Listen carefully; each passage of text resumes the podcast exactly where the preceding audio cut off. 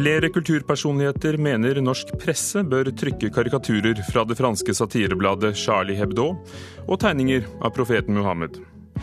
Norske medier har vært for feige, sier Fritt Ord-direktøren Knut Olav Åmås, som møter Dagbladets sjefredaktør Jon Arne Markussen. Avisen gjengir i dag flere av Charlie Hebdos kjente forsider. Man kan le av alt, sa en av de drepte avistegnerne, Kabu, da vår reporter traff ham for et par år siden. Men kan vi det? En utstilling av kontroversielle satiretegninger åpner nettopp i dag i Stavanger. Terrorangrepet i Frankrike og hva det betyr, er hovedsaken i Kulturnytt her i Nyhetsmorgen i dag, men vi skal også høre om ukens premierefilm. Den er perfekt i detaljene, leken og fylt av varme. Det sier vår anmelder om filmen om den engelske maleren Turner. Først til Paris. Korrespondent Åse Marit Befring. Hva skriver franske aviser om terrorangrepet i dag? Ja, Franske aviser de bruker ord som krig, eh, de er drept, angrep på demokratiet. Le Figaro eh, har eh, trykket alt på forsiden i svart farge. Normalt så har de tittel i blått. Sorgens farge. Leco har en tegneserieramme rundt en svart bakgrunn der det står 'Vi er alle Charlie'. Eh, så dette er et angrep ikke bare mot én en enkelt redaksjon, men på grunnleggende rettigheter her i Frankrike. Nå melder det franske nyhetsbyrået AFP at eh, presidenten Francois Hollande sier at mange er eh, blitt arrestert i, i jakten på de mistenkte. Vi har hørt at én har overgitt seg. Hva er siste nytt i selve saken? Ja, Politiet de er, har flere aksjoner rundt omkring i eh, Frankrike. Flere steder. De har vært i Strasbourg i natt også, bl.a. Og i flere forsteder i eh, Paris. Eh, og de har pågrepet mange. Eh, og det er kretsen rundt disse to brødrene, som nå både er navngitt og etterlyst, og, som politiet mener er eh, væpnet og farlige. Slik at de ber folk om å være ytterst forsiktige. Men det er altså ikke de tre, av de tre hovedpersonene så er det én som er pågrepet, og det er 18-åringen som meldte seg selv. De to brødrene er fortsatt på frifot. Det satiriske ukebladet Charlie Hebdo. Vi har hørt om dem i flere sammenhenger eh, de siste årene. Kan du si litt mer om hva slags blad det er? Ja, Det er jo da et uh, satirisk uh, tidsskrift som kommer ut uke, hver uke, hver onsdag, og har et opplag på rundt 45 000 utgivelser. Og de harselerer jo ikke bare med islam, de harselerer med mange religioner, også den katolske. Eh, men de har altså hatt flere spesialutgivelser som, eh, som latterliggjør eh, islam. Da, og De holdt jo nå på å jobbe med én spesialutgivelse som skulle hete Sharia Hebdo. Spilte på Sharia og Charlie. Og der de sa, skri, sa, på forhånd at dette skal handle om hvordan, islam, hvordan islams inntog var i den arabiske våren. og de truet med 100 piskeslag for dem som ikke døde av latter. slik at dette er, eh, og De har også trykket karikaturtegningene flere ganger. Eh, de har ikke ønsket å gi etter for noe press mot det de mener er en rett til å ytre seg. slik at Det er et eh, satirisk magasin som da tør å gå lenger enn de fleste. Og redaktøren, som bare ble kalt Sjarb, sa i et intervju med Le Monde at jeg vil heller dø stående enn å leve på knærne. Hva slags type var han, hva slags stilling hadde han? Eh, akkurat eh, hva slags stilling redaktøren hadde utover det, eh, er, er, kan ikke jeg si meg så mye om. Men han er i hvert fall en veldig modig mann som sto opp for ytringsfriheten og som ikke ønsket å gi etter for press. F.eks. når en brannbombe ble kastet inn for eh, tre år siden i avisens lokaler, eh, så mente han at dette bare var ytterligere desto større grunn for å fortsette å trykke det som det ble reagert mot. Slik at han ønsket ikke at man skulle gi etter for noe som helst når det gjaldt ytringsfrihet.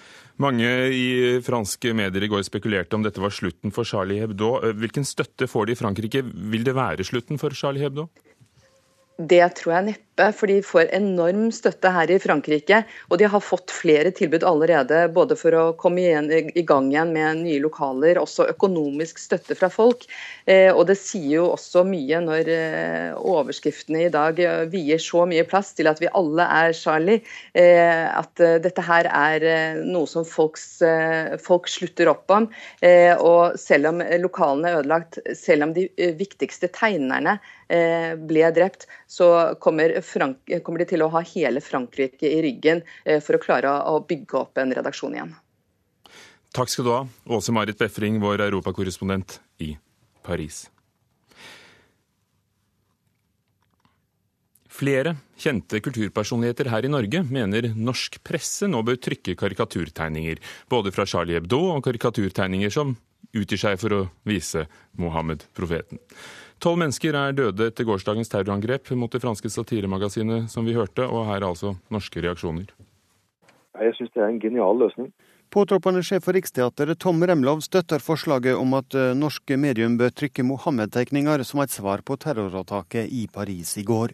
Altså I det øyeblikk alle gjør det, så får de eventuelle terrorister får jo et stort problem. Så Det, det syns jeg er det eneste rette å gjøre. Terrorattaket mot Charlie Hebdo setter ny fart i den ni år gamle karikaturdebatten. I 2005 trykka den danske avisa Jyllandsposten flere Mohammed-karikaturer. Den kristne avisa Magasinet var først med å trykke karikaturene i Norge. Siden følgde enkelte medier etter med publisering, men langt fra alle.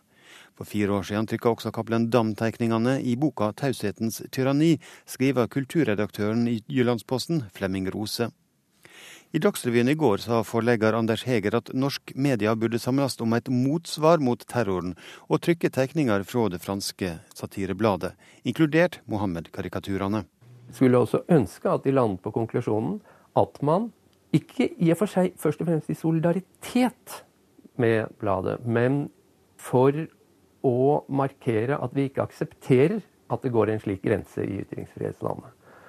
At man trykker en del av dette materialet. Styreleder i Norske Penn, William Nygaard, synes ei slik felles publisering kan være interessant. En massepublisering vil også alminneliggjøre og markere. Hvorfor ikke en massepublisering av en omstridt tegning? For å vise i demokratisk forstand hva som for oss er viktig, hva som for oss er kjerne, i hermetegn, hva som for oss er hellig. Det er eh, selvfølgelig en mulig måte å gå frem på. Nå gjelder det å ikke handle overilt. Det advarer forfatter og tidligere redaktør Jon Michelet. Man må kunne vise solidaritet med kollegene i Paris og forsvare ytringsfriheten uten at man trykker tegninger man ellers ikke ville ha trykt. Også filmregissør Erik Poppe advarer mot publisering. Eh, det virker som om vi gjør det for på en eller annen måte nesten å krenke eh, og hevde vår ytringsfrihet på en måte som krenker så mange mennesker. Og da stiller jeg bare det motsatte spørsmålet. Har vi en plikt til å måtte gjøre dette? Sa filmregissør Erik Poppe, reporter Espen Alnes. Knut Olav Åmås, eh, direktør i stiftelsen Fritt Ord. Norske medier er for feige, er du sitert på på medienettstedet Kampanje. Hva legger du i det? Ja, Det er ment som en beskrivelse av det som har skjedd eh, siden september 2005, da karikaturstriden begynte eh, i, med Jyllandsposten i Danmark. Og eh, jeg mener å si litt om eh, hvordan norske medier i, i eh, europeisk sammenligning har, eh, har vurdert og hva man har publisert disse ni og et halvt år.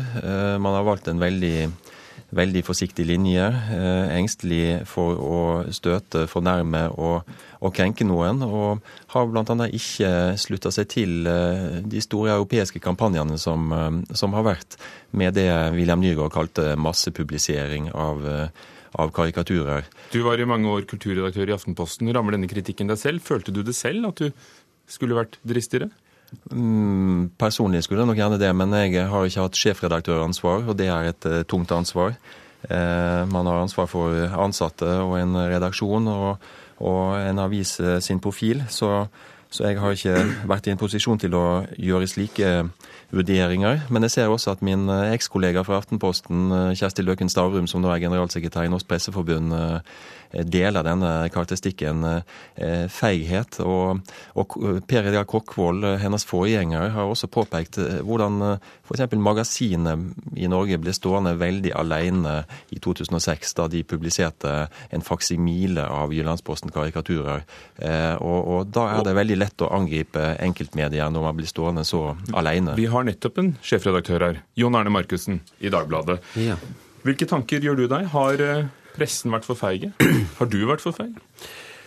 Um, nei. Jeg er litt opptatt av at um, vi ikke skal være sånn påtrengende, påfallende, insisterende i dette. Jeg tror det er viktig på en måte å tenke hva man skal si relevans. Det skal være en skal være, ting skal være sett i en, i en sammenheng. For eksempel er det vanskelig når vi nå har publisert en ca. 30 artikler på nett og papir i går og i dag, så er det klart at vi, vi leter etter Vi skal sette ting i en sammenheng, og vi må fortelle publikum hva som har skjedd. Vi må vise hva som er grunnen til det som har skjedd, men vi skal samtidig ikke drive med en sånn overlagt fornærmelse eh, av store folkegrupper. Det skal vi ikke gjøre. For dere har virkelig latt tegningene få tale i dag. Den norske tegneren Flu Hartberg har en tegning hvor han prøver å tegne satirisk om, eh, om islam og de som gjør narr av islam uten å klare det. Dere har en annen tegning tatt fra fransk presse i går mm. som viser eh, et viskelær med, med, pil bort, er dette en Kalasjnikov. Uh, og så har de gjengitt flere av de kjente forsidene til Charlie Hebdo, som vi hørte om. Bl.a. jøden som triller en muslim i rullestol. Mm. De urørlige. Mm. Hvorfor? Ja. Nei, altså, er ikke, altså jeg, jeg, føler meg ikke noe truffet av dette med å være feig. Altså, vi står jo i en satirisk tradisjon. Dagbladet gjør det, og vi har en lang tradisjon for det. Og vi har med jevne, eller skal jeg si ujevne mellomrom, så er det kontrovers rundt tegninger som vi publiserer. Eh, og vi viser i dag eh, at, eh, at vi, også, vi, vi gjør det når vi syns det er riktig å gjøre det. Men vi skal samtidig ikke drive med som jeg sier, med overlagte fornærmelser av store, av store folkegrupper. Det er ikke slik at muslimer som sådan er et problem for ytringsfriheten. For Knut Olav Åmås, det er jo forskjell på publikasjoner, og Charlie Hebdo er et blad som har gjort narr av alt og alle og alle religioner. Um, mm -hmm. Er det nødvendig for norske aviser å, uh, å ha den samme satiriske brodden mot alt? Nei, det er lite som er nødvendig. Det er jo ikke nødvendig at Charlie Hebdo eller Dagbladet kommer ut uh, for så vidt i det hele tatt. Eh, men eh, det var utvilsomt relevant i en svært lang periode å vise de karikaturene som førte til disse groteske, voldelige, kriminelle overreaksjonene, og som følger oss nå etter nesten et tiår. Men er det forskjell på å vise dem fordi de har en nyhetsverdi, eller fordi man vil selv være satirisk? Man vil selv bringe innholdet ja, altså, de, de, hadde jo utvilsomt en, en nyhetsverdi. Og, og, hvis man hadde sett tegningene, noe som mange av eh, demonstrantene i Midtøsten og andre steder ikke gjorde, eh, så ville man jo også sett at eh, tegningene som er utgangspunktet for hele denne striden, var svært uskyldige og til dels var en harselas med, med Jyllandsposten selv. Og, og, det ville på en måte fått en del av debatten på, på rett kjøl mye raskere også. Eh, fordi det var eh, mange andre hensyn enn en eh, påståtte krenkelser som, som, ble aktuelt da. Og, og, Spørsmålet er om man skal opprette en slags krenkelsesfundamentalisme og la ekstremister få det privilegium å, å tolke, å, å tolke når noen har gått over en grense. Da blir terskelen for ytringsfrihet svært lav. Men eh, det er for så vidt eh, mediene selv som har brakt spørsmål om feighet på bane overfor Kjersti Løken Stavrum og meg og andre nå. Eh, det viktigste nå er vel å se framover og se på konsekvensene av, av det som har skjedd i Paris i går. Markussen, hva tror du blir konsekvensene? Um, jeg tror ikke ikke konsekvensene blir så store. Det er et varsku, og det viser at ytringsfriheten er under press. Det er den, og det er den hele tida. Det er ikke noe nytt. Ehm, men vi ser også hvor, villig, hvor langt enkelte er villig til å gå. Ehm, og jeg er naturligvis på et prinsipielt grunnlag helt enig med Åmås i det han sier, men så er det da slik at noen av oss sitter midt oppi det og skal ta disse avgjørelsene hver dag, og har mange hensyn å ta. Ikke minst våre medarbeidere og sikkerheten til dem også. Hva blir konsekvensene, Åmås? Jeg er nok litt mer bekymra enn Markussen, eh, fordi det er så spektakulært eh, eh, et slikt terrorangrep. Og det kan føre til en smitteeffekt. Det kan føre til at flere blir frista til å prøve noe lignende. Når man ser konsekvensene og oppmerksomheten. Det har allerede ført til sikkerhet, også i økt sikkerhet i norske medier. Det var flere vakter utenfor NRK her da vi kom. Og, og, frykten og bekymringen må være at dette kan føre til en, en ubegrunna forsiktighet og enda flere usaklige hensyn å ta når man sitter der og skal ta vanskelige avgjørelser. For, for ja, er det usaklig? Ja, trusler, trusler, fra, trusler fra ekstremister er, er, på en måte usaklige eh, hensyn som kan flytte grenser som ikke har noe med innholdet i ytringene å gjøre. Takk. Knut Olav Åmås, direktør i Fritt Ord. Jon Arne Markussen, sjefredaktør i Dagbladet. 18 minutter over åtte, du hører på Nyhetsmorgen i NRK og Kulturnytt. To menn er etterlyst etter terrorangrepet i Paris i går. En tredje har meldt seg for politiet. Fra nyttår skal sykehusene tilby omskjæring av gutter, men mange leger har reservert seg. Oljenæringen vil ha hjelp fra regjeringen, hinsides at næringen som ødelegger planeten skal få bistand, sier næringslivsleder Jens Bultveit Moe. Dette er sakene i nyhetsbildet i dag. Vi fortsetter her i Kulturnytt med det som har skjedd i Frankrike og terrorangrepet for Charlie Hebdo. De fire drepte karikaturtegningene som var blant de tolv som mistet livet, hadde stjernestatus i Frankrike. Reporter Johan Tolgert i Paris traff en av dem, tegneren Kabu, våren 2012. Og som Kabu sa, man kan le av alt. Man kan skratte åt alt. Det gäller bara att ha lite humor, sa den superkände satirtecknaren Cabu till mig i en intervju häromåret. Cabu som var tecknare sedan 1950-talet han med att teckna satiriska bilder på flera franska presidenter. Han tecknar även imamer, rabbiner och kardinaler. Igår dödades Cabu av terroristerna vid attacken på satirtidningen Charlie Hebdo. På Place de la République i Paris samlades i går kveld tiotusentals personer for å gi sitt støtte åt yttrandefriheten. Flere ganger begynte man spontant å applaudere og hurra for Charlie. Hele Frankrike er i sorg, sier unge Dorothy, som kom til manifestasjonen. Ça veut dire que ce soir on est, on est tous tristes et, et que la liberté d'expression...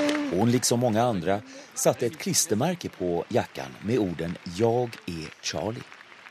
Dorothée minns en teckning av Kabu med Mohammed och där profeten säger 100 piskrapp om ni inte dör av skratt. Hon minns även en teckning med en jude som leder en muslim i rullstol och texten Ingen har lov att reta oss. I Norge säger namnen Cabu, Charb, Wolinski och Tinju inte så mycket. Men i Frankrike var de alltså mycket berömda. De hade en slags stjärnstatus som kan jämföras med populära skådespelare eller sångare, säger pensionären Remy. Han brukar köpa Charlie Hebdo varje vecka, ända sedan 1970-talet. Det är important för respekt de min jeunesse. Jag kommer ihåg att när jag för snart tre år sedan kom in på Charlie Hebdos dåvarande tidningsredaktion så fanns inte mycket till bevakning vid entrén. Man kunde i praktiken komma och gå som man ville efter det att vakten tittat en i ögonen och gett sitt medgivande för att komma in. Jag skulle alltså intervjua satirtecknaren Cabu. Redan då hade tidningen utsatts för hot som gick ut på att skrämma medarbetarna till tystnad. Man pratade i hela Frankrike om angrepp mot pressfrihet och yttrandefrihet. Cabu blev ofta stämd, bland annat av extrema högens Jean-Marie Le Pen, men tecknaren blev sällan dömd. Det var vid lunchtid och vi drog iväg till en närliggande marockansk restaurang. Jag lekte med tanken, vad gör man om något skulle hända, något riktigt farligt? Men jag fick känslan av att Cabu och hans medarbetare inte riktigt tog hoten mot tidningen på allvar. Vi hann kort prata om hur han uppskattade norska Eva Jolie för hennes mod som domare. Fast intervjun kom mest att handla om satirteckningar om judar, muslimer och katoliker. Ce qui a changé depuis 20 ans, c'est la, la, la montée des, des intégrismes de toutes les religions d'ailleurs. Det är farligt med fundamentalister som tar till religionen som uttrycksmedel, sa han och pekade ut de redan tre nämnda religionerna. Cabu tyckte att det gikk for langt og sa at ingen i en västerländsk demokrati kan akseptere at man får dødshot på grunn av et par små uskyldige satirteckningar. Une menace de mort, et ça on peut pas le supporter quoi.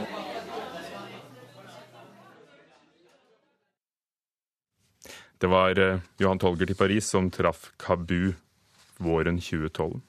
Nettopp i dag åpner utstillingen ytringsfrihet og avistegning i Stavanger. Flere av tegnerne som bidrar, er blitt truet på livet, og noen er også blitt fengslet. Sånn som her oppe har vi et, uh, en tegning av Erdogan i Tyrkia, og han uh, skulle jo forby Twitter, da. Og da har uh, Fadi her laga en tegning med den her kjente lille blå Twitter-fuglen fra ansiktet hans. Elisabeth Dyvik viser oss rundt mellom karikaturene som henger på veggene på Sølvberget i Stavanger. Hun er programdirektør i Fribynettverket, et nettverk som bl.a. trygger de som er truga for sine tegninger. Her er det bilder av tegnere som har kommet til en friby i Norge. Arifur Rahman fra Bangladesh er en av dem. En av hans mest kontroversielle tegninger er med i utstillinga. En uskyldig tegning, egentlig. Han gjør litt narr av dette her med at alle skal hete Mohammed. Og så har han en liten gutt som kaller katta si for Mohammed, kanskje ved en feil. Eh, men den ble brukt av ekstreme islamister da, i, en, eh, ja, i en propagandakamp, vil jeg si, sånn at Darifur ble satt i fengsel eh, og måtte flykte. Utstillinga som viser hvor farlig det kan være å jobbe som avistegner, åpner bare én dag etter det brutale angrepet mot det satiriske magasinet Charlie Hebdo. Jeg skulle ønske at, at denne utstillinga ikke var så aktuell som den er. Vi som jobber med det her til daglig, vi vet hvor aktuell den er. Men uh, nå får den jo litt uh, grusom ekstra aktualitet, og det bringer det veldig hjem. Uh, og det skulle jeg gjerne vært foruten, for å si det på den måten. Styremedlem i Norske Penn, Ann Margrit Austenå, skal åpne utstillinga senere i dag. Hun mener det er viktig å støtte de som våger å utfordre med karikaturer, men har samtidig forståelse for de som nå er redde for å holde fram. Ja, det kan jeg forstå, og derfor er det veldig viktig at eh, mennesker nå eh, slutter opp om de som eh, våger dette, de som er eh, ytringsfrihetens eh, fortropp på mange vis. At de kommer til utstillingen nå eh, i Stavanger. Eh, at de demonstrerer sin solidaritet med det som har skjedd med satiremagasinet i, i Paris. Jeg bare ser på noen tegninger her. En fra Nigeria og en fra Kamerun, og så er det et par fra Tyrkia her. Skjebnene på veggen viser at det å formidle alvor ved hjelp av humor koster dyrt i mange land. Ja, altså Det er jo mange, mange flere enn enn de ekstreme islamistene som lar seg fornærme av tegninger, og som truer og fengsler avistegnere. Altså, De blir banka opp og de blir saksøkt og blir fengsla i mange mange flere land enn, det, enn de arabiske. Elisabeth Dyvik i Fribynettverket, reporter i Stavanger Kjersti Hetland.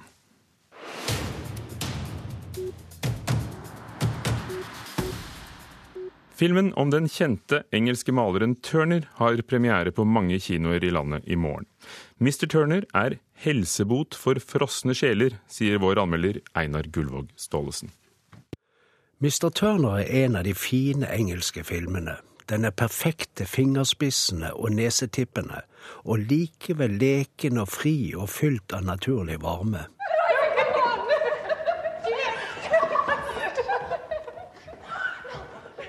Mr. Turner, huh? I have often pondered might there be a distinction between the way you paint a sunrise as opposed to a sunset? Well, there is indeed, Lady Stokely. Ah. Yeah, one is going up. Den er et frodig tidsbilde fra første halvdel av 1800-tallet, med skarpe observasjoner og mange refleksjoner, malt med brede og tynne penselstrøk. Den er fortellingen om den legendariske maleren J.M.W. Turner, født i 1775 og død i 1851. Men filmen handler mer om den sosiale settingen han befant seg i. Det er nytelse å se interiørene, det er nytelse å se gatene, det er nytelse å se strendene. Det er nytelse å se alt det Mr. Turner maler. Noe av det kan ligne kitsch, men det er nerve i det som er glatt og pent. Etter en stund synes vi det nerve hos Mr. Turner også. Først er han ganske uestetisk av følelsen av at han lukter.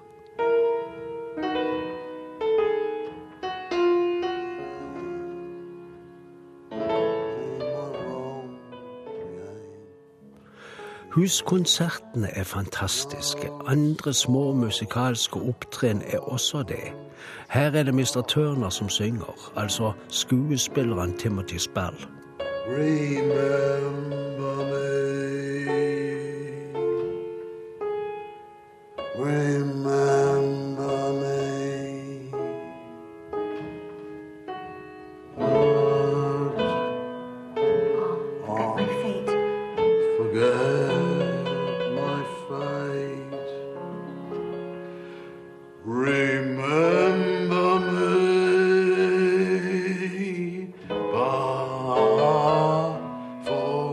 er et interessant portrett. Maleren Turner er mangfoldig. Han er en av de som dyrkes av akademia, altså i kunstens overklasse. De som er vellykkede med bildene sine, er gjerne vellykkede i det økonomiske bildet også. Det er gjerne arvede penger i bunnen. De er aristokratiets bohemer. De som maler og ikke er aristokrater, tigger gjerne penger. I need to pay the wine merchant, my colour man. And your dear wife, Mrs. Hayden, she's faring well. Mrs. Hayden is presently with child. Well, you have my hearty congratulations, Hayden. Congratulations are not in order. I'm in torment. Hovedrolleinnehaveren Timothy Spell fikk sølvpalme for denne rollen i Cannes i fjor. Han blir stadig bedre. Regissøren Mike Lee er også en av de som blir bedre med årene. I februar blir han 72. Da han kom i vanlig pensjonsalder, laget han Vera Drakes hemmelighet, Happy Go Lucky og Another Year. Another Year er et av de fineste verkene om mennesker og menneskers forhold til hverandre som er presentert på kino i nyere tid. Regiprestasjonen er enda mer imponerende i Mr. Turner.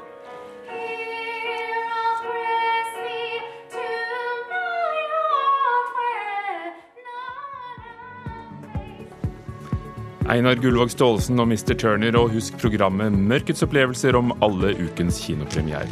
Kulturnytt i dag har handlet om konsekvensene og reaksjoner på terrorangrepet mot Charlie Hebdo i Paris. Lars Tronsmoen var teknisk ansvarlig.